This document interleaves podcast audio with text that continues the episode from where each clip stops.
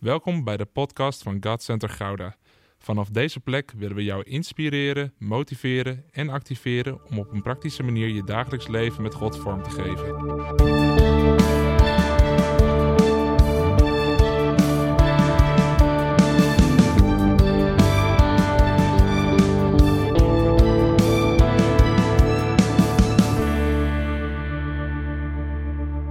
Goedemorgen. Even een verrassing, hè? Ik zag sommige mensen kijken. Christy stond bij de deur. Die zag zo van, huh, wat doe jij nou hier ineens? En weet je, dus met verrassingen is altijd zo. Sommige mensen houden van verrassingen. Sommige mensen vinden verrassingen wat minder leuk. Verrassing kan goed uitpakken of minder goed uitpakken. Eh, dat laat ik aan jullie eh, over eh, wat jullie daarvan vinden. Maar jullie kennen je, je pastor een beetje natuurlijk. Dus volgens mij was hij degene die met het idee kwam van laten we een keer de boel in opschudding brengen. Laten we gewoon op een random zondag gewoon, gewoon de boel gewoon veranderen, omgooien. Dus pastor Jeroen is vandaag in Voorschoten, pastor Arno is in Antwerpen, pastor Sandy is in Utrecht en wij zijn in Gouda. En, ehm, en we vinden het gewoon mooi om die verbinding als gemeentes onderling met elkaar te hebben. We zijn, we zijn hier een lokale gemeente, lokale familie, maar we zijn deel natuurlijk van de grote gemeente van God, maar ook als God Center. We zien onszelf als een stam binnen het lichaam van Christus. We zijn samen, vormen we een grote familie. En eh, daar zijn we enorm trots op, ook wat God hier in Gouda doet. Ik zat, uh, zat gisteren even terug te denken van de eerste dienst in uh, Cultuurhuis heette dat? Cultuurhuis toen we daar waren, dat was natuurlijk voor ons uit God Center. Hè. Misschien zit je hier, ben je de afgelopen jaren uh, deel geworden van deze gemeente. Maar dat was toen een enorme stap van geloof voor God Center überhaupt. Om een gemeente te starten in een andere plek. Met het fantastische team wat hier in Gouda uh, wilde mee gaan bouwen. Dus geef ook dat team even een applaus die nog steeds ook zo betrokken zijn allemaal. Ik kan niet alle namen noemen, maar... Uh, het is gewoon zo mooi om terug te kijken erop. En toen we daar waren, we waren met een team gewoon om erbij te zijn, om het mee te maken. En dat het gewoon helemaal vol liep. Overal stoelen bij moesten zetten. Voor nog de stoelen die, zeg maar, op, eigenlijk op het podium, zeg maar, moesten we stoelen neerzetten. En dat het gewoon zo'n knallende opening was. En sindsdien gewoon de gemeente geboren is. En hoe dat nu, um, hoeveel jaar later zijn we nu? Vier en een half jaar later. Um, hier uh, zo'n geweldige gemeente is met zoveel vrucht. Dus um, ik zou zeggen, wees trots op jezelf dat je deel mag zijn van deze mooie gemeente. En wij zijn enorm trots op jullie allemaal en op wat God hier doet. Dus uh, het is een eer om vandaag bij jullie te zijn. Ik ben inderdaad samen met mijn vrouw Tamara. Ik wil haar ook vragen om even bij te komen. Um, ja, geef even een applaus. Mijn, mijn betere helft. Sommige mensen hadden gehoopt dat zij zou preken vandaag, maar helaas, jullie moeten het met mij doen. Maar ik dacht, het is mooi om even iets te delen. Jullie zitten natuurlijk in de vaste dagen. Wie is er uh, lekker aan het vasten? Uh, lekker, ja toch? Is toch lekker?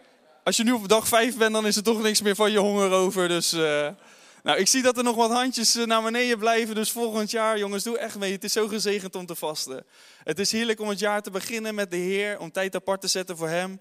En weet je wat je doet met, vlas, met vasten? Je zegt nee tegen het vlees en daardoor maak je ruimte voor de geest. En dat is altijd heel goed om te doen. En we hebben meestal genoeg reserves en daarom doen we het ook heel strategisch na kerst, na oud en nieuw. Dat kunnen we prima aan. Vijf dagen. En uh, heerlijk om gewoon in Gods aanwezigheid te zijn, die dagen te hebben. Wij hebben drie dagen gedaan. Wij zijn nog wat, uh, hè, wij zijn nog wat minder passievol in, uh, in Utrecht. Wij bouwen het langzaam op. Maar we hebben net woensdag tot en met vrijdag drie dagen van bidden en vasten gehad. En een heerlijke tijd gehad, gewoon in Gods aanwezigheid. En zo, ja, gewoon gezien um, hoe krachtig het is. Hè, om, om die tijd apart te zetten. En ik heb Tamara gevraagd om even iets te delen voor ons persoonlijk. En dat is niet om, om, uh, om, om, om zielig te zijn. Wij, wij zitten even in een gekke situatie persoonlijk. Onze dochter, onze middel, we hebben drie dochters.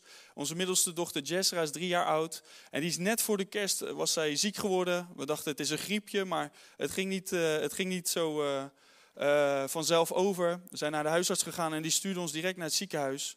Um, er bleek een longontsteking te zijn. Dus uh, inmiddels zijn we 2,5 week verder en uh, um, is ze nog steeds in het ziekenhuis. Gaat wel goed, maar ze wordt nog steeds behandeld met antibiotica, al die dingen. Dus het is een beetje een rollercoaster voor ons geweest de afgelopen tijd. Maar juist daarin hebben we gezien hoe heerlijk het is om, om de Heer te hebben in je leven, om rust en vrede te hebben in alle omstandigheden.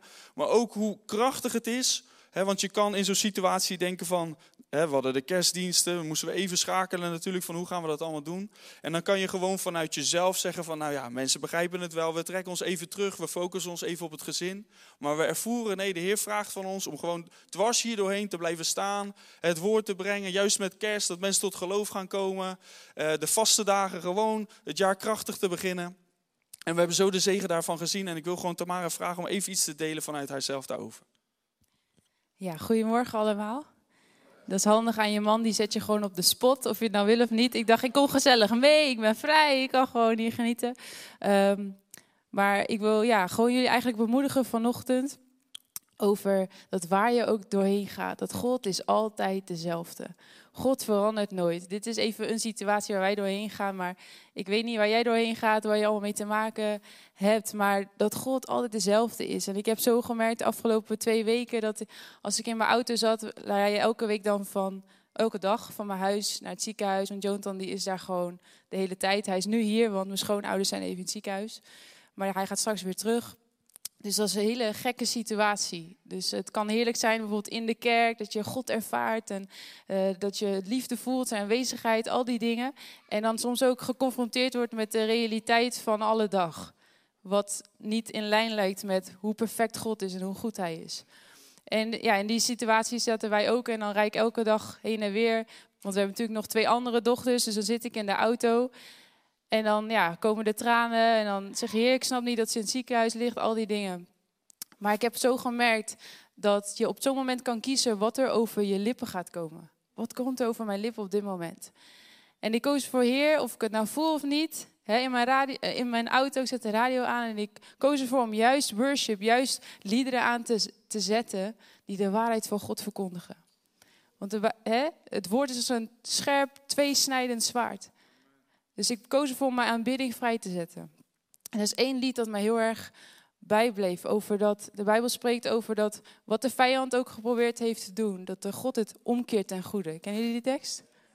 En er is één lied dat mij heel erg raakte. Dat gaat...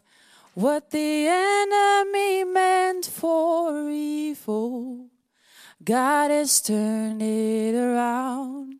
Turned it around. What the enemy meant for evil, my God has turned it around for my good. En dat is eigenlijk gewoon wat ik je vanochtend mee wil geven. Waar je ook doorheen gaat, blijf staan op de waarheid, op wat God zegt en wie Hij is. En uiteindelijk zal God je rijkelijk belonen. Hij zal alles omkeren ten goede. Ik weet niet waar je doorheen gaat. En als het supergoed met je gaat, dan hoop ik dat je vreugde in je hart hebt. Maar God zal alles omkeren ten goede, want Hij is altijd dezelfde. Amen. Yes. Het is zo heerlijk om met de Heer te leven. Dat mag zo meteen maar. Ja, als je het goed vindt, dan gaan we verder met het woord. Maar ik, daarom wilde ik dat net zeggen. We ervaren zoveel vrede, zoveel vreugde in deze omstandigheid. Weet je, het is niet leuk natuurlijk. En we bidden dat ze snel herstelt. En dat we gewoon lekker als gezin weer bij elkaar kunnen zijn. Maar de Bijbel zegt in Jacobus 1, vers 2. Dat je moet verheugen als je door moeilijkheden en door beproevingen heen moet gaan. Amen. Wanneer heb je dat voor het laatst gedaan? Dat je dacht, oh, dank u Heer dat ik zoveel moeilijkheden heb. Ik verheug me erin dat ik deze problemen heb. Want het staat daarna, opdat uw geloof standvastig mag blijken. Weet je, God laat alle dingen meewerken ten goede. Soms moeten we door de moeilijke dingen heen gaan. Het is niet dat God het, denk ik, geloof ik niet, dat Hij ons die dingen geeft om ons iets te leren. Maar we hebben te maken met een gebroken wereld waar we nou eenmaal met die dingen te maken hebben. Maar in al die dingen geeft Hij ons de kracht om er met vreugde doorheen te gaan, om er met vrede doorheen te gaan en met een overwinning uit te komen. Amen. Wij lopen door dat ziekenhuis, ik loop alleen maar, oh dank u Jezus. Ik, ik loop gewoon de Heer te danken door, door, door die situatie heen. En ik geloof als we zo het jaar beginnen, oh man, dit, dit wordt een jaar van overwinning. Ik heb voor mezelf vastgesteld, 2023 wordt een geweldig jaar. Ik weet niet hoe jij hier zit, maar ik weet voor mezelf, 2023 wordt een geweldig jaar. Wat er ook gebeurt in deze wereld, ga ik zo meteen wat over delen, wat ik geloof, wat de Heer me heeft laten zien. Maar wat er ook gaat komen, mijn God is bij mij. Hij zorgt voor mij, hij leidt mij, ik hoef niets te vrezen. Amen. Amen.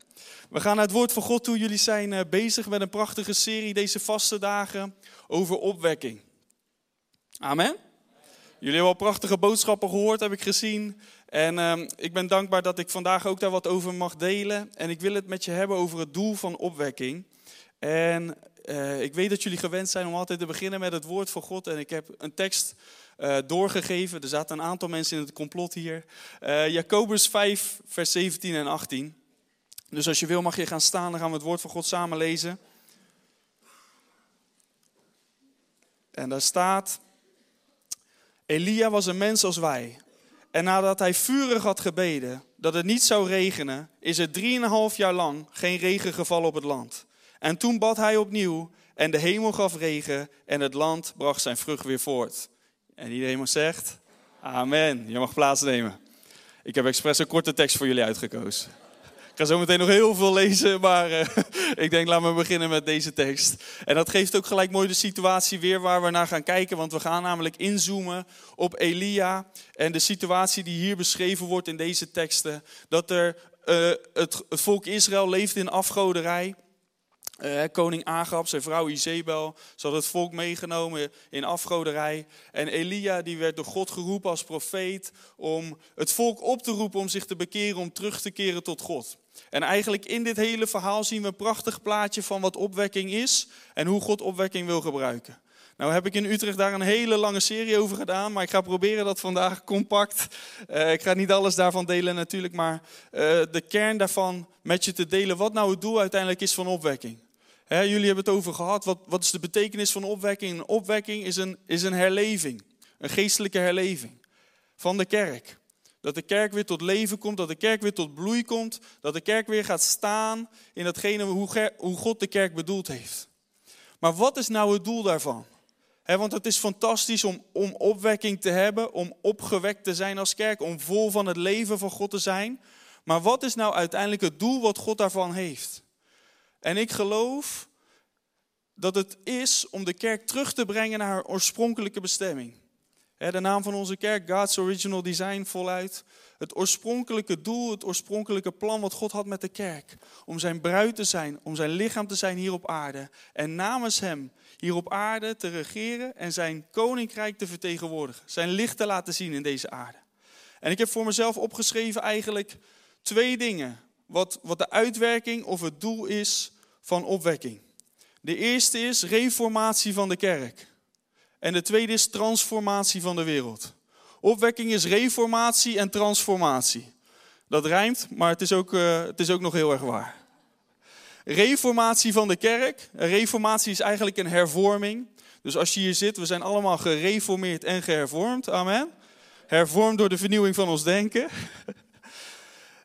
maar de kerk moet gereformeerd worden, moet teruggebracht worden naar het oorspronkelijke plan wat God had. En dan pas kan het doel wat God heeft met de kerk, is om de wereld tot transformatie te brengen, kan dan pas plaatsvinden.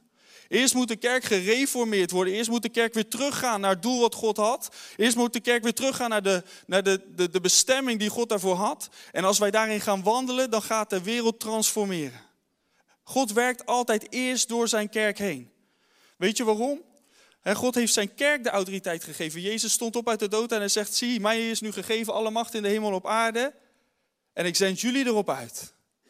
om iedereen het te vertellen, de grote opdracht. Dus Jezus heeft de overwinning voor ons behaald. Hij heeft de heerschappij heeft hij op zich genomen, maar hij heeft hem aan ons gegeven. En wij zijn nu als zijn vertegenwoordigers, als zijn lichaam hier op aarde, om namens hem te regeren. En namens hem dat licht te laten zien in deze aarde. Dus we kunnen kijken naar deze wereld en zeggen van, oh weet je wel, de wereld wordt duisterder en duisterder. Maar de Bijbel zegt in Jesaja 60 vers 1, sta op en schitter. Zie staat er in vers 2, duisternis gaat over de aarde, maar over jullie, over mijn volk, gaat mijn licht op. Dus terwijl we in de wereld duisternis zien, tegelijkertijd wordt de duisternis misschien zichtbaarder en sterker, maar wordt het licht ook zichtbaarder en sterker. Amen. Het contrast wordt alleen maar groter, maar het is des te belangrijker dat wij als kinderen van God gaan staan in die autoriteit die God ons gegeven heeft. Weet je, het is niet een tijd van grijs. Het is een tijd van zwart of wit. Het is een tijd om te kiezen of je volledig wil gaan staan in het licht en te gaan staan in die autoriteit en kracht die de Heer ons heeft gegeven. Amen. Als je nog een beetje twijfelachtig bent, ik hoop dat je aangevuurd wordt, ook door deze dagen heen, om echt te gaan staan. Wij ervaren zo sterk dat dit jaar, dit komende jaar, dat dit een cruciaal jaar zal zijn. Misschien denk je, ja, dat kun je elk jaar zeggen en dat is ergens ook zo. Maar ik geloof echt, en ik zal zo meteen daar wat meer over delen, dat dit jaar, dat er zoveel dingen gebeuren in deze wereld, dat het zo belangrijk is. Dat wij sterk staan persoonlijk in onze relatie met de Heer, maar dat wij ook als gemeente staan. En ga zo meteen wat facetten benoemen die belangrijk zijn daarin. Dat wij als gemeente sterk staan in deze dingen, zodat wij dat licht voor deze wereld kunnen zijn. Amen. Oké, we gaan kijken naar, naar die kenmerken van reformatie waar we doorheen moeten gaan die moeten plaatsvinden in de kerk, zodat wij die transformatie in de wereld kunnen brengen. En ik wil met je gaan naar 1 Koningen hoofdstuk 18. 1 Koningen hoofdstuk 18. En dan gaan we zo meteen lezen vanaf vers 30.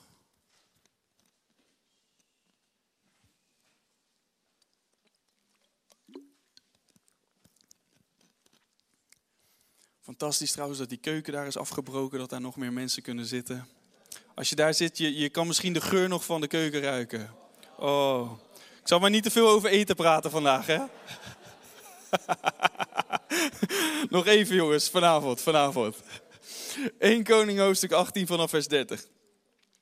Elia zei tegen de Israëlieten dat ze naar hem toe moesten komen. En toen ze bij hem waren komen staan, bouwde hij het verwoeste altaar van de Heer weer op. En hij nam twaalf stenen Evenveel als het aantal stammen van Israël. De nakomelingen van de zonen van Jacob. Tot wie de Heer had gezegd, Israël is je nieuwe naam. Met die twaalf stenen maakte hij een altaar ter ere van de Heer. En daaromheen liet hij een gul graven met een lengte van 300 el. En dan gaat het verder. Maar in dit verhaal hebben we zien hier dat Elia het hele volk oproept om naar de Karmel te komen. En er komt er een confrontatie tussen hem en de Baalpriesters. Ongetwijfeld ken je dit verhaal, we gaan dat niet helemaal behandelen. Maar in dit verhaal zitten sleutels van reformatie, die, die ook voor de kerk nu vandaag de dag gelden. En wat is het eerste wat, wat hij deed? Hij riep iedereen tot zich, hij riep het hele volk bijeen om te komen. En wat deed hij vervolgens? Hij staat er, hij bouwde het verwoeste altaar weer op. Het altaar was braak komen te liggen. Het volk was allemaal afgoden gaan dienen, was andere goden gaan dienen. Maar het altaar van de Heer was verwoest geraakt. En wat deed hij? Om dat altaar te herstellen, er staat, hij nam twaalf stenen. Net zoveel als het aantal stammen dat er was van Israël. En je zou kunnen zeggen, die stenen vertegenwoordigden allemaal een stam van het volk. En hij nam die twaalf stenen en hij bouwde daar een altaar van. En ik geloof het profetische plaatje van wat Elia hier deed, is een herstel van eenheid. Hij nam die twaalf stenen, die vertegenwoordiging van die twaalf stammen van Israël. Israël was verdeeld geraakt. Israël door afgoderij was het zicht op de Heere God kwijtgeraakt. En hij riep hun terug en hij ging het altaar herstellen. Nou, het altaar is een plaatje, een beeld van de gemeente. De plek waar op het altaar werd geofferd. Als je een altaar bouwde, was dat een plek van ontmoeting met God. En voor ons als nieuwtestamentische geloven is dat een beeld van de gemeente. Waar wij samenkomen, waar wij lof offeren aan de Heer, waar we Hem aanbidden en waar we Hem ontmoeten. Amen. Zo het eerste wat God wil doen als hij, als hij een volk, als hij transformatie wil brengen, hè, wat het doel is van opwekking, als hij een volk wil terug laten keren tot hem. Het eerste wat er moet gebeuren is dat er een herstel moet plaatsvinden van eenheid in de gemeente. God wil zijn altaar, hij wil zijn gemeente herstellen door de eenheid te herstellen, door het altaar weer samen te bouwen. Hij pakt twaalf stenen. De Bijbel zegt, Petrus zegt dat, u alle bent levende stenen en laat jezelf gebruiken tot bouw van een geestelijk huis. Zeg even tegen je buurman, je bent een geestelijke steen. En wij allemaal zijn nodig in die bouw van het geestelijke huis. En als wij verlangen naar opwekking, dan is het zo belangrijk dat wij allemaal onszelf geven daaraan, aan het altaar van de Heer. Onszelf geven aan de gemeente, bovenal aan Christus zelf, maar dat we onszelf invoegen en in eenheid samen verbonden zijn met elkaar. En samen dat altaar vormen voor de Heer. Weet je, dat was uiteindelijk de plek waar hij kwam met het vuur. Dat was de plek waarop God antwoordde met vuur. Wat nodig was uiteindelijk om dat volk op hun knieën te brengen want dat was de hele, de hele uitdaging in dit verhaal. Dat Elia zei van, we gaan, ik ga mijn God aanroepen en jullie afgodendienaren, jullie gaan jullie God aanroepen. En de God die antwoordt met vuur, die is God. Amen. En als wij in eenheid gaan wandelen, als wij in eenheid samen de Heer zoeken, als wij in eenheid samen uh, ons, ons hart uitstorten voor Hem, dan zal Hij antwoorden met zijn vuur. Dan zal hij komen met zijn geest. Dan zal hij komen met zijn heerlijkheid. Uiteindelijk met welk doel? Om een wereld op zijn knieën te brengen. Amen. Dat kan niet zonder het vuur van de Heilige Geest.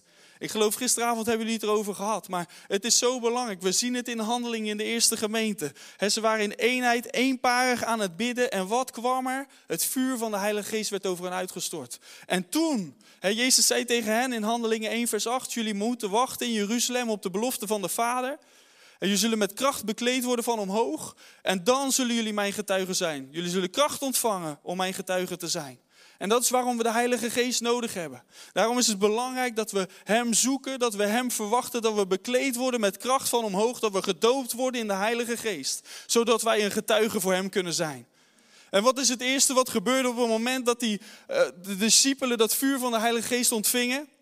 Er staat, kwam een machtige windvlaag en er zette tongen van vuur op ieder van hen op hun hoofd. Iedereen kreeg een persoonlijke vlam, halleluja. Je bent een levende fakkel. Overal waar je komt schijn je het licht van Jezus. Je ziet het misschien niet, maar zit op jouw hoofd. Hier zit de vuurvlam. En dat helpt je om die gedachten van jezelf in vuur en vlam te houden. Om elke pijl die op je af misschien probeert te komen. Als je vol bent van het vuur van God, dan kunnen die gedachten niet binnenkomen. Dan kunnen die zorgen niet binnenkomen. Dan kan die angst niet binnenkomen, want er is al een vlam op je hoofd. Amen. Maar wat gebeurt er? zij, zij krijgen allemaal een persoonlijke vlam. En er komt een machtige windvlaag. En ik zie het voor me als een onzichtbare hand die hun zo mee naar buiten brengt. Ze waren aan het bidden, ze waren aan het zoeken. En op het moment dat de geest kwam, het eerste wat er gebeurde is, ze gingen naar buiten toe. En wat gebeurt er dan? de mensen die lopen samen, er komt, eh, er komt een opschudding. Je kan geen opwekking hebben zonder opschudding. Je kan niet denken van we blijven gewoon ons normale christelijke leven leiden. Ik blijf gewoon lekker comfortabel. Ik blijf gewoon lekker op zondag mijn gemeente bezoeken en een fijn christelijk leven hebben. Maar als jij verlangt naar opwekking, dan zal het opschudding brengen in je leven.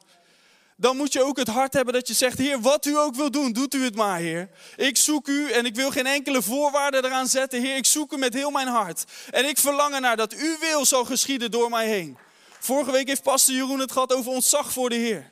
Weet je, de vrezen des Heren zegt eigenlijk, Heer, ik ben niet de baas, maar u bent de baas. U mag bepalen met mijn leven wat u wil. Weet je, ik heb van mijzelf van nature heb niet de behoefte om op een podium te staan en tot mensen te spreken. 0,0. Maar ik ben niet de baas, u bent de baas over mijn leven, Heer. U bepaalt de koers van mijn leven. Ik heb niet de behoefte om aan mijn huis op te zeggen, om mijn baan op te zeggen, om alles op te geven, om uiteindelijk mezelf te geven aan het werk van de Heer. Maar u bent de baas, Heer.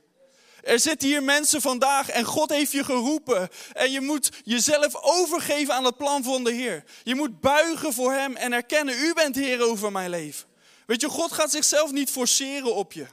God laat ons vrij. Hij is zo genadig. Hij heeft ons een vrije wil gegeven. Maar hij zal altijd trekken aan ons. Hij heeft dingen in ons gelegd. Hij heeft het verlangen in ons gelegd om hem te dienen. De Bijbel zegt, hij is het die het willen en het werken in u uitwerkt. Dat is genade. Alleen dat vraagt wel van ons dat we ons wel telkens overgeven en zeggen: Oké, Heer, niet wat ik wil, maar wat u wil. Geschied met mijn leven. En dat is heel belangrijk. Als wij opwekking willen zien, als wij deze wereld veranderd zien, willen zien worden, dan begint dat altijd allereerst bij ons. Amen. Wij willen, oh Heer, wilt u de wereld aanraken? Zegt hij ja, maar door jou heen.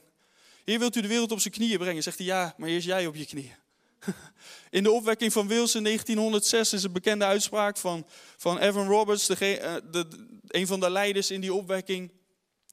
Dat voordat, dat, voordat die opwekking uitbrak, riep hij uit. Bendas, o Lord, bendas. Buig ons, Heer, buig ons, Heer. Weet je, als wij willen dat de wereld gaat erkennen dat Jezus Heer is, dan vraagt het van ons dat we onszelf diep overgeven aan Hem. Dat wij op onze knieën gaan en zeggen, Heer, breng ons dieper. Wij, wij, we moeten ook erkennen en beleiden dat we niet wandelen in de, ten volle in datgene wat God voor ons bedoeld heeft.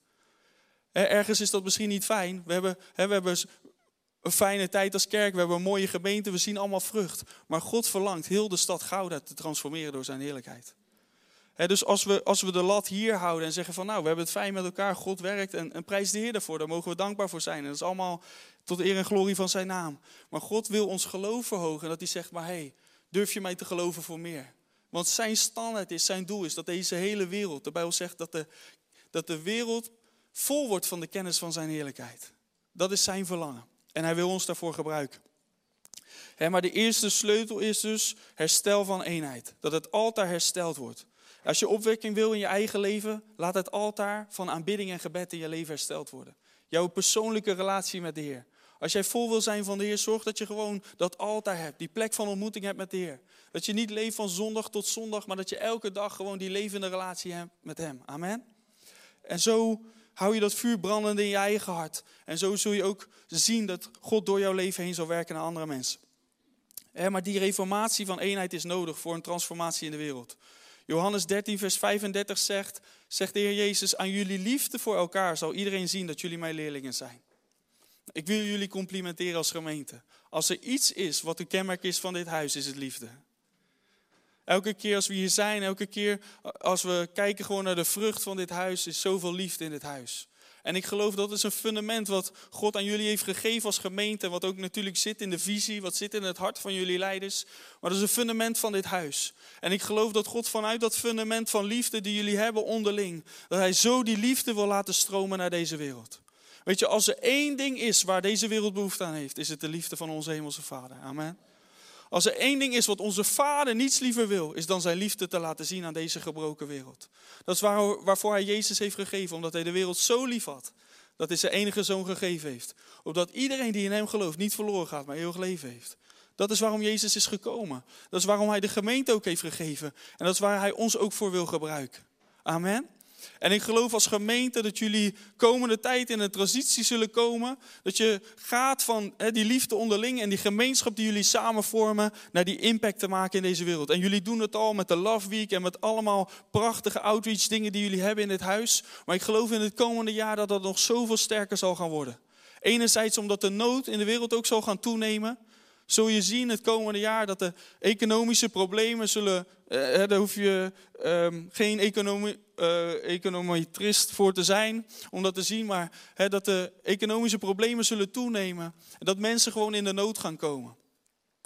De Heer had me um, in december waren we aan het bidden als gemeente. En ik zoek altijd de Heer van wat, wat wilt u laten zien voor het komende jaar? Wat staat er te gebeuren? En de Heer gaf me Jezaja 21. En ik begon dat te lezen en, en ik moet u eerlijk zeggen, ik werd een beetje bedroefd.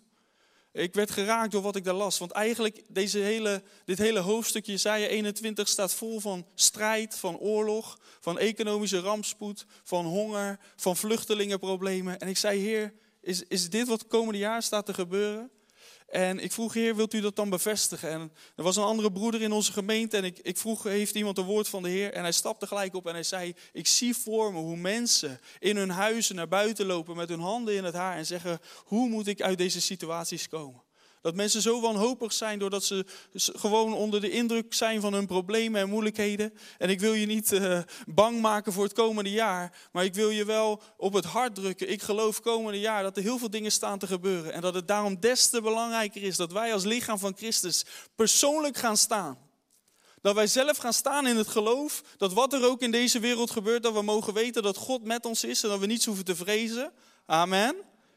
Maar dat niet alleen, want dat gaat over onszelf. Eh, dat, is, dat is gewoon de relatie die wij met de Heer hebben. Dat Hij voor ons zorgt. Maar dat wij kunnen uitdelen aan anderen. Dat we kunnen uitreiken naar anderen. Dat te midden van die moeilijkheden, dat wij een, een, een schuilplaats kunnen zijn voor deze wereld in nood. En dat is geloof ik wat Gods verlangen is voor ons als gemeente. Ik zeg even ons allemaal, de gemeente gewoon in Nederland. In het komende jaar dat wij weer gaan staan in die plek waar God de kerk voor heeft bedoeld. Als een licht voor deze wereld als een, als een veilige plaats waar mensen in nood naartoe kunnen stromen. En dat zien we al gebeuren, maar het is nog zo mondjesmaat. Maar ik geloof echt dat in het komende jaar dat er een hele nieuwe stroom van mensen zal gaan komen naar het huis van God. De, de plek hier is al te klein, maar ik geloof echt dat het komende jaar gaat de Heer ons allemaal nieuwe gebouwen geven. Ruimte, dat we ruimte gaan maken voor de toestroom die God wil gaan geven. God verlangt ernaar. 2 Petrus 3, vers 9. Het is Gods wil dat niemand verloren gaat, maar dat iedereen tot erkenning van de waarheid komt. Dat iedereen gered zal worden. Dat is Gods verlangen. En ik geloof dat we met hem mee mogen dromen en dat we datzelfde verlangen mogen hebben. Maar het begint dus met die eenheid. Het tweede kenmerk, wat deed Elia daarna? Hij herstelde dat altaar en daarna staat er, hij, hij uh, groef een gul om het altaar heen. Weet je, soms kan je dingen in de Bijbel lezen en dan denk je van, ja, waarom staat dit hier? daarna zien we dat hij water over het altaar begint te gooien. Heeft ook allemaal een betekenis, kan ik nu even niet op ingaan. Maar ik geloof het, het is een beeldje, weer opnieuw een profetisch plaatje van dat het altaar afgescheiden werd van wat er daaromheen gebeurde. Je had daar die afgodenpriesters, je had al die mensen die daar samenkwamen. Maar Elia, het eerste wat hij deed, is hij herstelde het altaar. En nadat hij dat deed, maakte hij een afscheiding. Een duidelijke grens tussen dat altaar en de rest van de wereld daaromheen. En ik geloof, als wij transformatie willen brengen in deze wereld, is er een reformatie van heiligheid nodig in de kerk. Die afscheiding laat eigenlijk een plaatje zien van een heilige, apart gezette gemeente. Apart gezet van deze wereld. Niet onder de indruk of onder de invloed van deze wereld. Efeze zegt het heel mooi. Gij geheel anders. Gij hebt Christus leren kennen. Dat is wat God voor ons wil als zijn gemeente. Dat wij wel in deze wereld zijn, maar niet van deze wereld. We hebben wel te maken met deze wereld, maar dat wij van een andere orde zijn. We zijn van een, een hemelse orde, amen. We zijn van een ander geslacht, zegt Petrus. We zijn van een koninklijk priesterschap. We zijn bestemd om te heersen hier op aarde als koningen. En we zijn hier bestemd als priesters om verzoening te doen tussen mensen en God. Amen.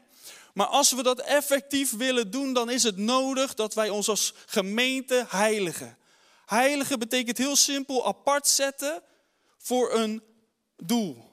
En God wil dat wij onszelf heiligen voor dat doel wat Hij voor ons heeft. Dat we onszelf toewijden aan het plan en de bestemming die Hij voor ons heeft.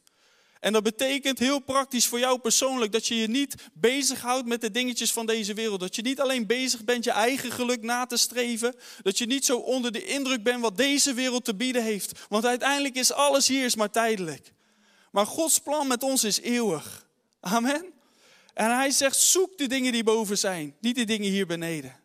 Ons leven is maar als een ademtocht. Het is zo gekomen en het is zo weer voorbij. Maar in dit leven, de keuzes die wij maken, hebben impact op de eeuwigheid. Allereerst onze eigen bestemming, wat wij kiezen, of we met de Heer willen zijn voor eeuwig. Maar daarnaast ook hebben wij invloed op de eeuwigheid van andere mensen. Wij kunnen dat goede nieuws delen met andere mensen. Wij kunnen als priesters zijn in deze wereld. We kunnen zeggen, hey, je bent misschien ver van God af, maar ik heb goed nieuws voor je.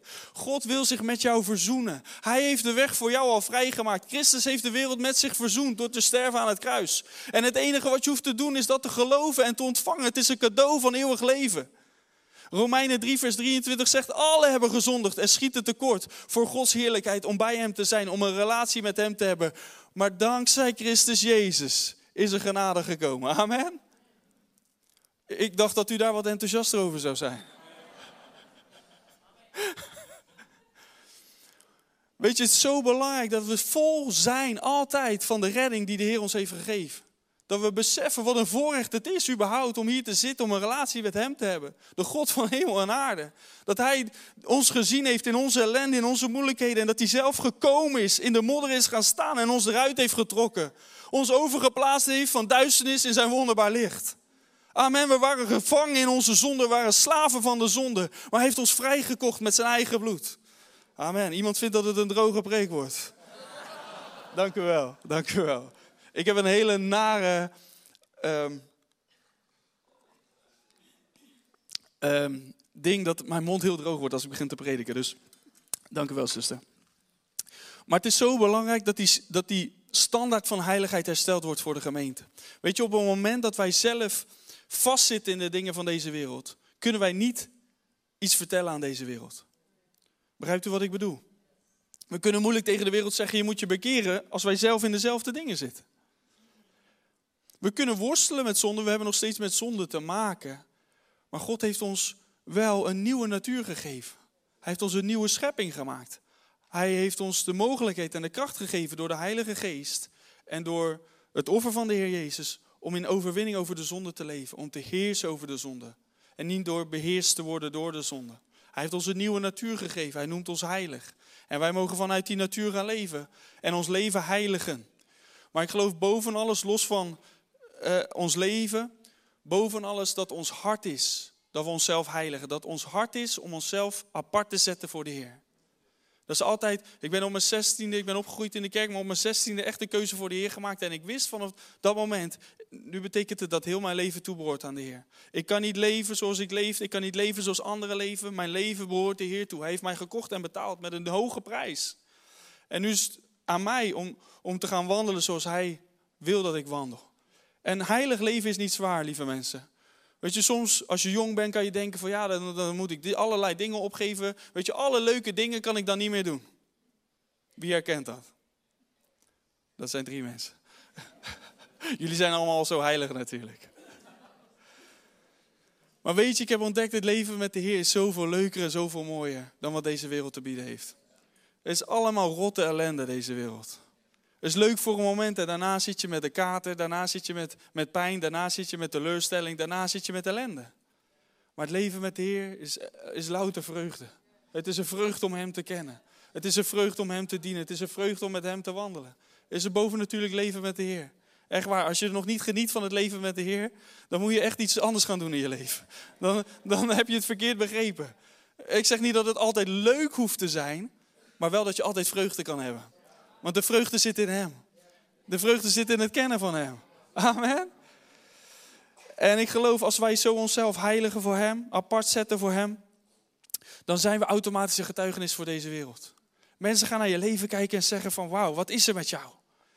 Onze buren in deze situatie zeggen, oh het moet wel heel zwaar voor jullie zijn. Ja, tuurlijk is het niet leuk, maar hey, we hebben vrede in alles. Joh. De Heer is met ons. Hij zorgt voor ons, we hoeven niet bang te zijn. Is, is heel anders. Echt waar. De Heer wil ons gebruiken om een levende getuige te zijn voor deze wereld. Om onszelf volledig aan Hem over te geven. Maar ook die standaard van heiligheid te herstellen, dat de kerk apart gezet is. Weet je, als je kijkt naar deze tijd, de, Heer, de Bijbel spreekt over, over afval wat zal komen in de laatste dagen. En je ziet dat gebeuren, dat, dat er een scheiding plaatsvindt, ook binnen de kerk. Dat sommige mensen die standaard van heiligheid verlagen, met het, met het verlangen misschien om de wereld te bereiken. Maar daarmee halen ze de wereld naar binnen. En in plaats van dat zij de wereld veranderen, verandert de wereld hun. En ik geloof, God wil juist in deze tijd dat wij die standaard van heiligheid hoog zetten. Weet je, als je de drempel laag zet, dus lijkt heel mooi, hè? mensen kunnen makkelijk komen, maar mensen stappen ook heel makkelijk dan over jouw waarde heen. Want je hebt de drempel zelf al verlaagd. Maar als jij de standaard hoog zet, moeten mensen daaronder doorkomen. Moeten ze zich daaraan onderwerpen. En weet je, daarom is het zo mooi, bijvoorbeeld in de fundamententraining en al die dingen, dat, je gewoon, dat was gemeente gewoon heel duidelijk zeggen waar wij voor staan. Dit is als gemeente waar wij voor staan. En je mag dat niet leuk vinden, maar prijs de Heer, er zijn heel veel andere kerken om naartoe te gaan. Maar dit is waar wij voor staan. Dit is de standaard die wij willen aanhouden. Dit is de standaard die wij hoog willen houden. En weet je, ik geloof dat dat heel belangrijk is in deze tijd. Zonder iets af te doen aan andere kerken, andere mensen. Weet je, iedereen moet ten volle overtuigd zijn voor zichzelf. Maar ik, ik, ik voel sterk die overtuiging. Het is zo belangrijk dat wij die standaard hoog houden. Als wij echt daadwerkelijk een verschil willen maken in deze wereld. Ik heb ontdekt bij ons in de gemeente, wij zijn soms best wel radicaal dat we ook ons uitspreken over dingen. Ik heb ontdekt, weet je, soms hebben christenen er moeite mee, maar ongelovigen hebben er echt geen moeite mee hoor.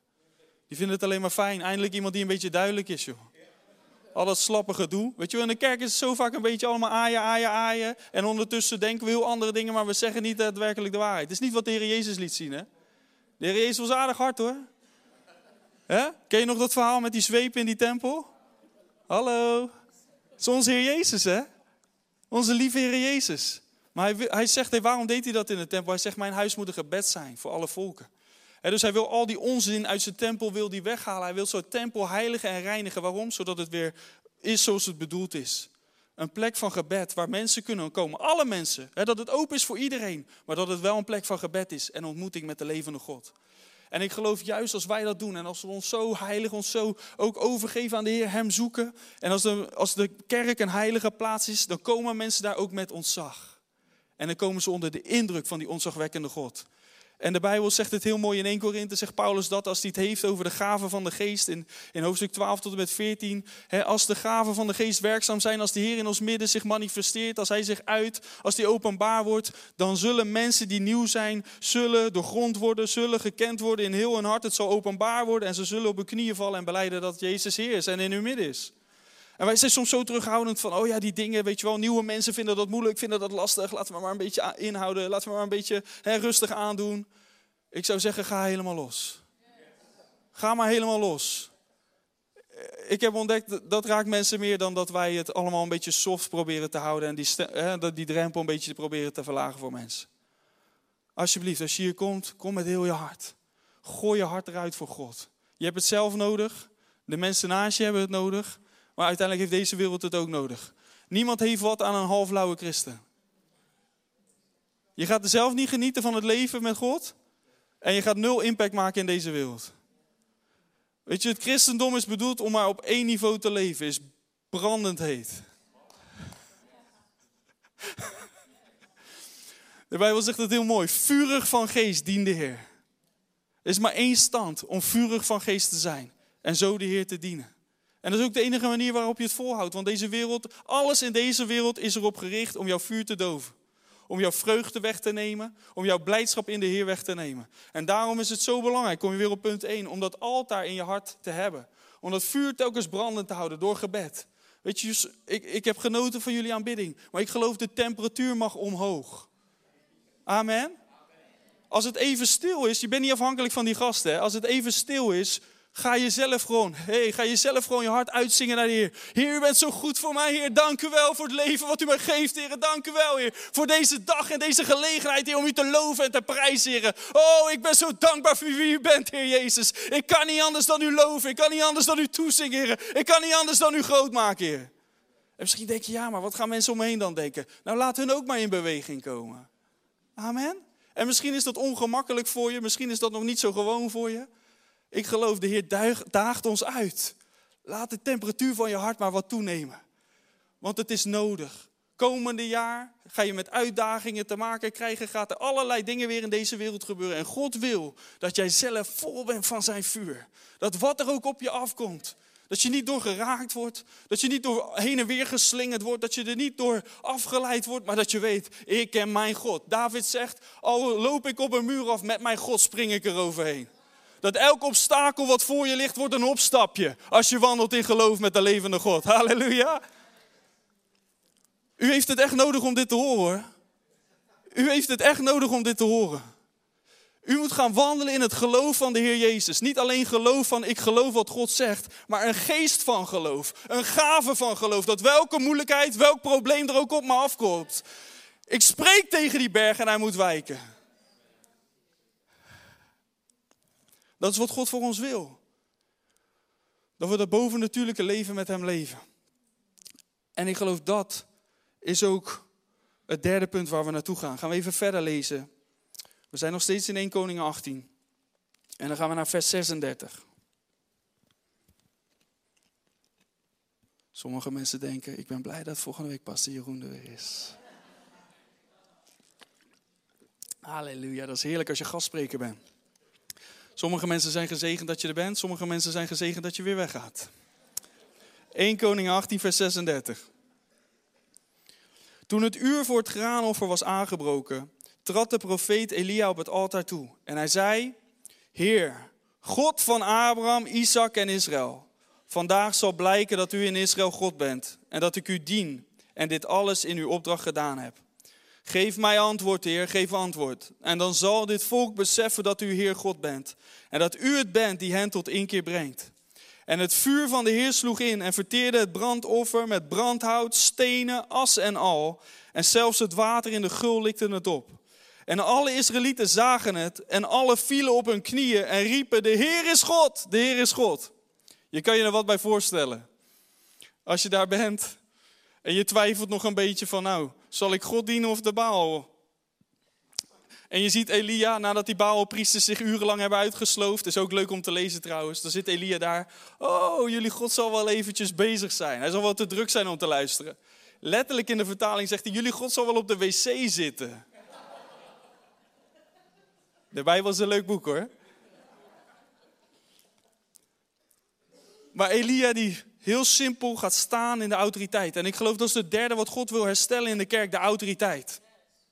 Als wij wandelen in eenheid, als wij wandelen in heiligheid, is het natuurlijke gevolg autoriteit. Dat we autoriteit hebben. Weet je, Elia hier in, in al deze verhalen zie je, hij was degene die het volk bij elkaar riep. Hij was niet afwachtend van hoe zal de situatie zijn, hij nam zelf het initiatief. Te vaak zijn we afwachtend, zeggen we, Heer, wat wilt u doen? God zegt, ik heb je alle autoriteit al gegeven. Om op slangen, schorpioenen te treden, niks van de vijand zou je enig kwaad kunnen doen. Ga erop uit. Ga gewoon handelen. Ga wandelen. Ga handelen namens mij. Ga handelen in die autoriteit en de kracht die ik je heb gegeven. En we zijn zo passief afwachtend. Heer, wat wilt u doen? Hier zien we in Elia. Hij wist wat Gods wil was. God wilde dat de mensen tot bekering zouden komen. God wilde dat het volk zich zou terugkeren tot hem. God wilde afrekenen met die afgoden, met die schijnmacht van deze goden. En dat is ook Gods wil voor, voor Nederland. Dat zijn naam weer verhoogd gaat worden en dat al die afgoden waar mensen op vertrouwen, op financiën, op de zorg, op al die dingen die er zijn waar mensen hun vertrouwen op hebben gesteld, dat al die dingen verlaagd zullen worden en dat zijn naam verhoogd zal worden.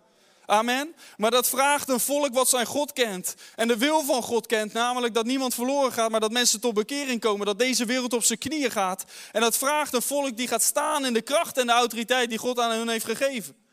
Weet je, gebed is niet dat je aan God vraagt om iets te doen. Gebed is dat je vraagt, Heer, gebruik mij om dat te doen.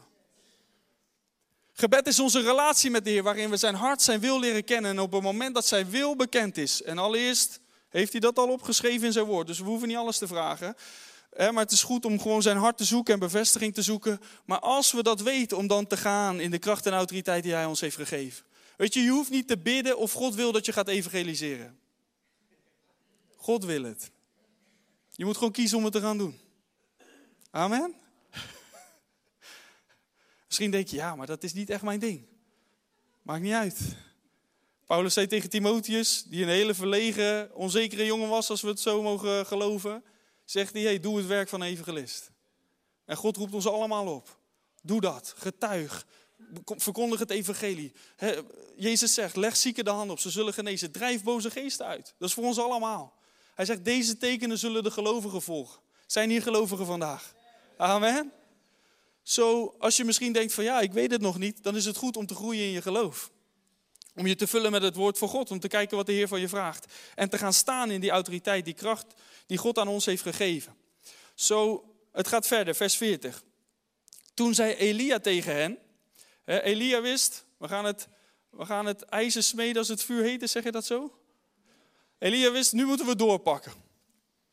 Hij zei tegen hen, ze waren in ontzag gekomen. Hij zegt, nu Grijp de profeten van Baal, laat niet één van hen ontkomen. En de profeten werden gevangen genomen en Elia liet hen afdalen naar de dal van de Kison, waar hij hen ter dood liet brengen. Hij rekende af met al die afgoden. Weet je, het moment dat die kracht van God daar was, pakte hij door en hij zegt, oké, nu gaan we afrekenen met die dingen.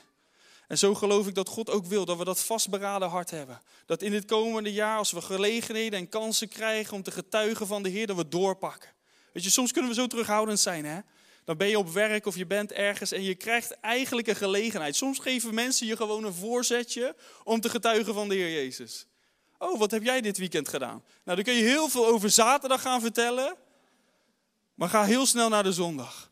Oh, ik ben naar de gemeente geweest. Ik heb zo'n heerlijke tijd gehad. Eh, God heeft wonderen gedaan in ons midden. Er was iemand daar. En dan begin je gewoon te getuigen van de Heer. En dan zeggen ze, nou, nou waarom doe je dat dan? En dan ga je vertellen, ja, maar Jezus heeft mijn leven voorgaan. Pak die gelegenheden. Ik zeg het ook tegen mezelf, soms kunnen we zo terughoudend zijn, maar God wil dat we het ijzer smeden als het heet is. Dat we die, die kansen pakken en die autoriteit ook pakken die Hij ons heeft gegeven. Amen. En daarvoor is het belangrijk dat we ons hart voorbereiden. Komt het weer op punt 1 en 2. Dat we onze relatie met de Heer hebben, dat we onszelf apart zetten voor Hem.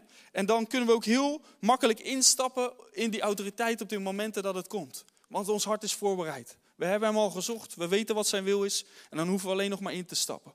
En ik geloof dat God dat ons ook daarin wil uitdagen. Om meer in die autoriteit te gaan staan die hij ons heeft gegeven. God wil ons herstellen, zijn kerk herstellen in die positie van de autoriteit die hij heeft bedoeld. Om een licht te zijn voor deze wereld. Hij zegt dat licht moet je niet verbergen onder de tafel. Dat moet op de tafel zichtbaar zijn voor alle mensen. Het is als een stad op een berg. Een zichtbaar iets, zichtbaar voor iedereen. Laat het zo zijn in jouw leven. Dat je relatie met Heer niet verborgen is, maar dat het zichtbaar is voor alle mensen om jou heen. Dichtbij en veraf. Dat ze kunnen zien van ver al. Dit is iemand wiens leven apart gezet is. Dit is iemand wie God wil zoeken. Iemand wie God wil dienen met zijn leven. Dit is iemand die God kent en in zijn kracht en autoriteit wandelt. Wees jij maar die gek die voor iedereen bidt in je omgeving. Amen. Laat dat alsjeblieft het getuigenis zijn van je leven. Dat andere mensen zeggen, oh daar heb je hem weer hoor is een goed getuigenis als mensen dat over je zeggen. Amen. Weet je, ik geloof deze reformatie van herstel van die autoriteit is nodig in, om, om die transformatie te brengen in deze wereld. Weet je, nu lijkt het soms, ik zeg het lijkt, het is niet zo, nu lijkt het soms alsof de kerk geregeerd wordt door de wereld. Dat de wereld gaat bepalen wat wij mogen geloven, wat wij mogen denken, wat wij mogen zeggen. Daar zitten we nu op hoor. Kijk maar naar de politiek en wat voor wetsvoorstellen er zijn. Het lijkt zo. Maar ik geloof in het komende jaar wil God dat ding omkeren. Maar het is belangrijk dat wij daar bewust van zijn en dat wij gaan staan in die autoriteit. Kijk naar de eerste gemeente. Het eerste wat er gebeurde op het moment dat dat vuur was uitgestort, ze gingen naar buiten, ze begonnen te verkondigen. 3000 kwamen tot geloof, de gemeente was geboren. Elke dag staten werden mensen toegevoegd. Er was impact, die stad Jeruzalem werd aangeraakt. Er was opschudding, er gebeurde van alles. En wat komt er als eerste weerstand? Weet je, op het moment dat God gaat bewegen, zal de vijand altijd met een tegenbeweging proberen te komen. Hij zal altijd proberen in te dammen en tegen te houden datgene wat God wil doen. Om te proberen die invloed maar te beperken. En als je kijkt naar de geschiedenis van opwekking in Nederland, is het zo dat er nog nooit een, een, een, nationale doorbraak van opwekking is geweest. Er zijn, er zijn, er zijn prikjes geweest. De Nijkerkse beroering was een opwekkingsbeweging. En daardoor is de Bijbelbelt is ontstaan, zijn hele gebieden wel tot geloof gekomen, maar het is niet doorgebroken door het hele land heen. Waarom? Omdat ze er heel snel bij waren vanuit de autoriteiten, vanuit de kerkelijke machten, vanuit de religieuze orde, om dat ding proberen in te dammen.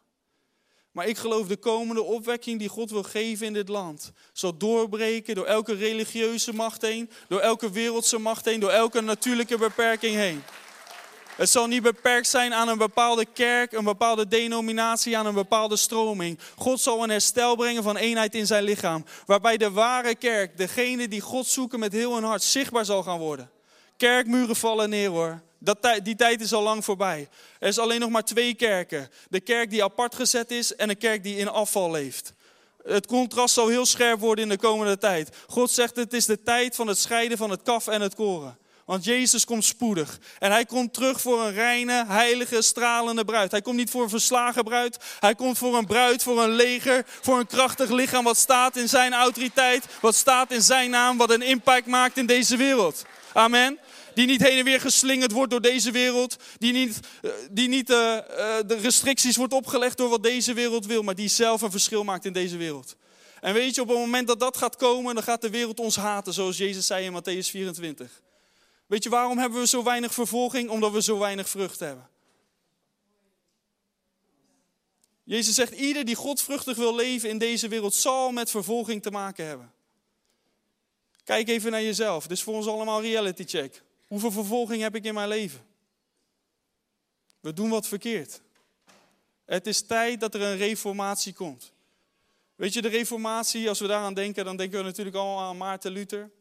De reformatie toen was dat het woord van God beschikbaar zou worden opnieuw voor alle mensen. Dat, dat de redding is alleen door genade en door geloof heen. Maar ik geloof de komende reformatie is dat de kerk weer deze wereld gaat bereiken.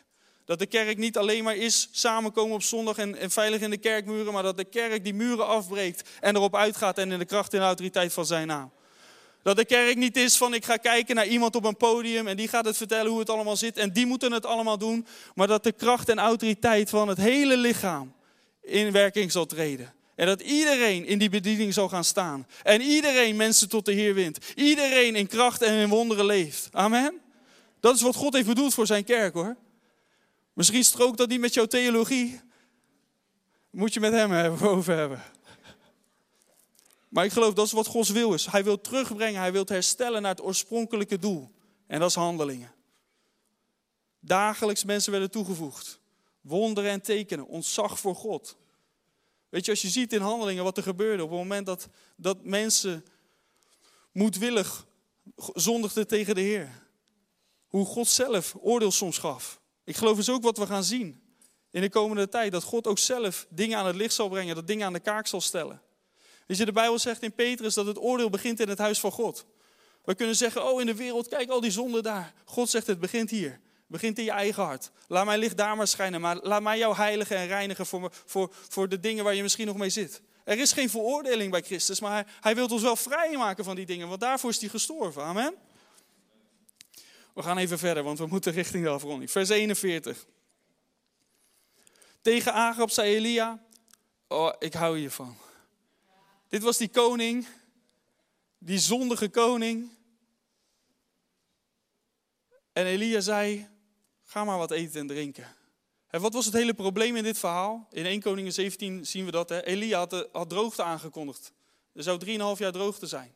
En nu hè, heeft hij aan het eind van die periode heeft hij het hele volk bij elkaar geroepen, vuur uit de hemel gekomen. Maar het doel was niet dat er vuur uit de hemel zou komen.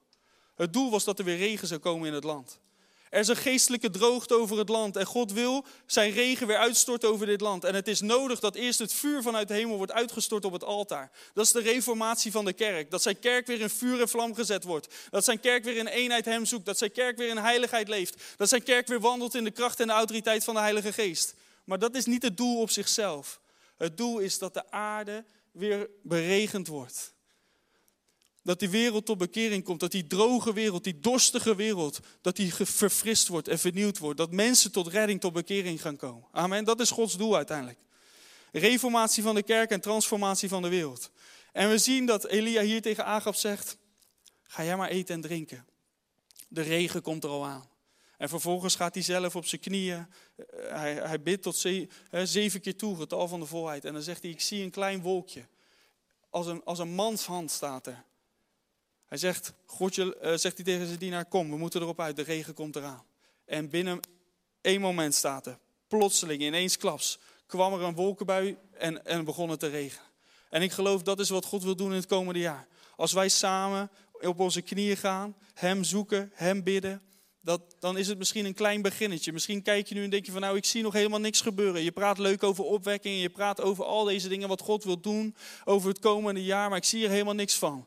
Weet je, het vraagt geloof om een klein wolkje te zien, een klein begin te zien. Maar plotseling, in één keer, staat er, kwam er een geweldige wolken, uh, wolk over het hele land heen en begon het te donderen en begon het te regenen. Ik geloof komende jaar zal een jaar van plotseling zijn zal een jaar zijn dat in één keer, we hebben het misschien niet aanzien komen, een klein handje, maar een klein begin maar. Je ziet een klein ontspruiten daarvan in het afgelopen jaar, maar in het komende jaar zal je zien in één keer een doorbraak komen. En de regen van God zal komen over dit land. De regen van zijn heerlijkheid zal komen over dit land. Zijn liefde zal komen over dit land en zal die droge harten vervullen met liefde. Zal die gebroken harten vullen met zijn goedheid en vergeving. Zal die verwonde harten vullen met genezing.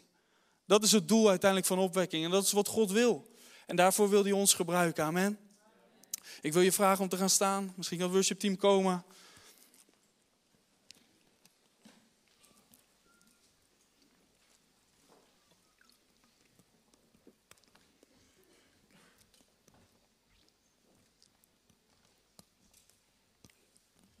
Halleluja. Nou, ik weet dat ze een prachtig lied zo meteen gaan zingen. Maar ik wil je vragen gewoon deze ochtend, als we aan het begin van het jaar zijn om voor jezelf een keuze te maken. Hoe ga ik dit jaar in? Om jezelf daarin toe te wijden en te zeggen, Heer, wat u ook wilt doen in het komende jaar, wilt u mij daarin gebruiken? Ik wil mezelf beschikbaar stellen om allereerst zelf veranderd te worden, om uiteindelijk het doel, om ook verandering te brengen in deze wereld. En ik weet niet of dat kan, maar misschien dat we gewoon een moment kunnen nemen, als je dat wil, dat je gewoon kan knielen is een moment voor jou persoonlijk. Gewoon een moment van toewijding naar de Heer toe. Ik weet vanavond, Pastor Jeroen gaat, gaat verder. Of waar jullie over afgelopen dagen over hebben gehad. En ik geloof dat het heel krachtig zal zijn. Dus zorg dat je hier vanavond ook bent. Maar laten we gewoon dit moment nemen voor jezelf. Misschien zijn er dingen in je leven waar je mee moet afrekenen. Doe dat. Echt waar, doe dat. Zorg dat je jezelf overgeeft aan de Heer. Zorg dat je jezelf in zijn handen legt. Laat Hem zijn wil doen in jou. Laat Hem zijn werk doen in jou. Weet je, worstel niet langer. De Bijbel zegt, leg alle zonde die zo licht in de weg staat, leg het aan de kant. En hou je ogen gericht op hem. En ren die wedloop die voor je ligt. God Center Gouda 2023 zal een jaar zijn met geweldige vrucht. God zal komende jaar zoveel impact door jullie heen brengen. Maar hij verlangt wel dat jullie zelf klaarmaken daarvoor. Dat je geloof laat groeien. Dat je jezelf geeft aan de Heer. Dat je jezelf overgeeft aan het plan wat Hij voor je heeft. En dat je jezelf laat bekrachtigen door de Heilige Geest. Er is zoveel meer wat God wil doen door jullie heen. De Bijbel zegt Efeze 3, vers 20 dat hij doet boven bidden, boven denken, boven beseffen. Maar het begint wel met bidden en het begint wel met denken en het begint wel met beseffen dat God het wil doen. En dan gaat God er nog boven doen. Amen. Zo ik wil je echt uitdagen dit komende jaar om je lat hoog te leggen. Om te geloven voor veel impact. Om te geloven voor je familie, om tot Christus te komen. Misschien bid je al vele jaren voor hen. En misschien heb je de hoop al een beetje opgegeven voor de mensen om je heen. Ik geloof het komende jaar zal een jaar zijn van doorbraak en omkeer. Amen. En je mag het ontvangen hoor, in geloof. Ik geloof komende jaar gaat God ons gebruiken om veel impact te maken. Amen. Zo laten we onszelf overgeven aan Hem. En ik zie uit naar alles wat God gaat doen. In en door jullie heen. En door ons allemaal heen. Mijn verlangen, ons verlangen is niks anders dan dat dit land vol zal worden van Hem. Dat Nederland zal buigen voor Jezus. Amen. En ik geloof zo dat God ons wil vullen met zijn liefde ook voor dit land. En misschien kun je een moment gewoon je handen opheffen. Vader, dank u wel, heren. Dat we hier samen als uw lichaam mogen zijn, Heer. In uw aanwezigheid, heren. En dank u wel, Heer, dat u ons wil gebruiken. Dank u wel, Heer, dat u uw lichaam, Heer, in eenheid wil gebruiken. Door heiligheid heen, Heer. Bekleed met autoriteit, Heer. Om een verschil te maken in deze wereld. En dank u wel, Heer. Heer, dat het niet uitmaakt waar we vandaan komen. Wat we hebben meegemaakt, Heer. Wat we tot nu toe misschien, Heer, als standaard hebben gehad in ons leven. Maar dank u wel dat u ons zelf meeneemt, Heer. Een hoger dimensie, een hoger plan wat u heeft, Heer. Terug naar het plan wat u had voor de gemeente, Heer. En dank u wel dat u ieder van ons wil gebruiken, Heer. Heer, u wilt uw hele lichaam inzetten, Heer. Ik geloof komende jaar zal een geweldige oogst komen, Heer. Geweldige oogst van mensen die tot u zullen komen. Maar het zal niet vanzelf gaan. Het zal strijd zijn. Het zal weerstand zijn. Er zullen moeilijkheden zijn in deze wereld. Maar dank u wel, Heer, dat wij sterk zullen staan in alles, Heer. Met het schild van geloof, Heer. En met het zwaard van de geest, Heer. Heer, om te verdedigen de brandende pijlen van de vijand. Dat we zelf niet geraakt worden. Maar tegelijkertijd om aan te vallen met het zwaard van de geest, het woord van God. Heer, om die oogst binnen te halen. Dat zwaard te gebruiken als een sikkel. Om die oogst te, te harvesten. Om die oogst te oogsten. Om die oogst binnen te halen. Ik geloof Heer. Daar wilt u ons voor gebruiken in het komende jaar, Heer. Heer, wat er ook moet gebeuren in ons hart, in ons leven, Heer. Heer, verander ons, Heer, naar uw beeld, Heer. En gebruik ons voor uw glorie, Heer. In Jezus' naam. Amen. Amen.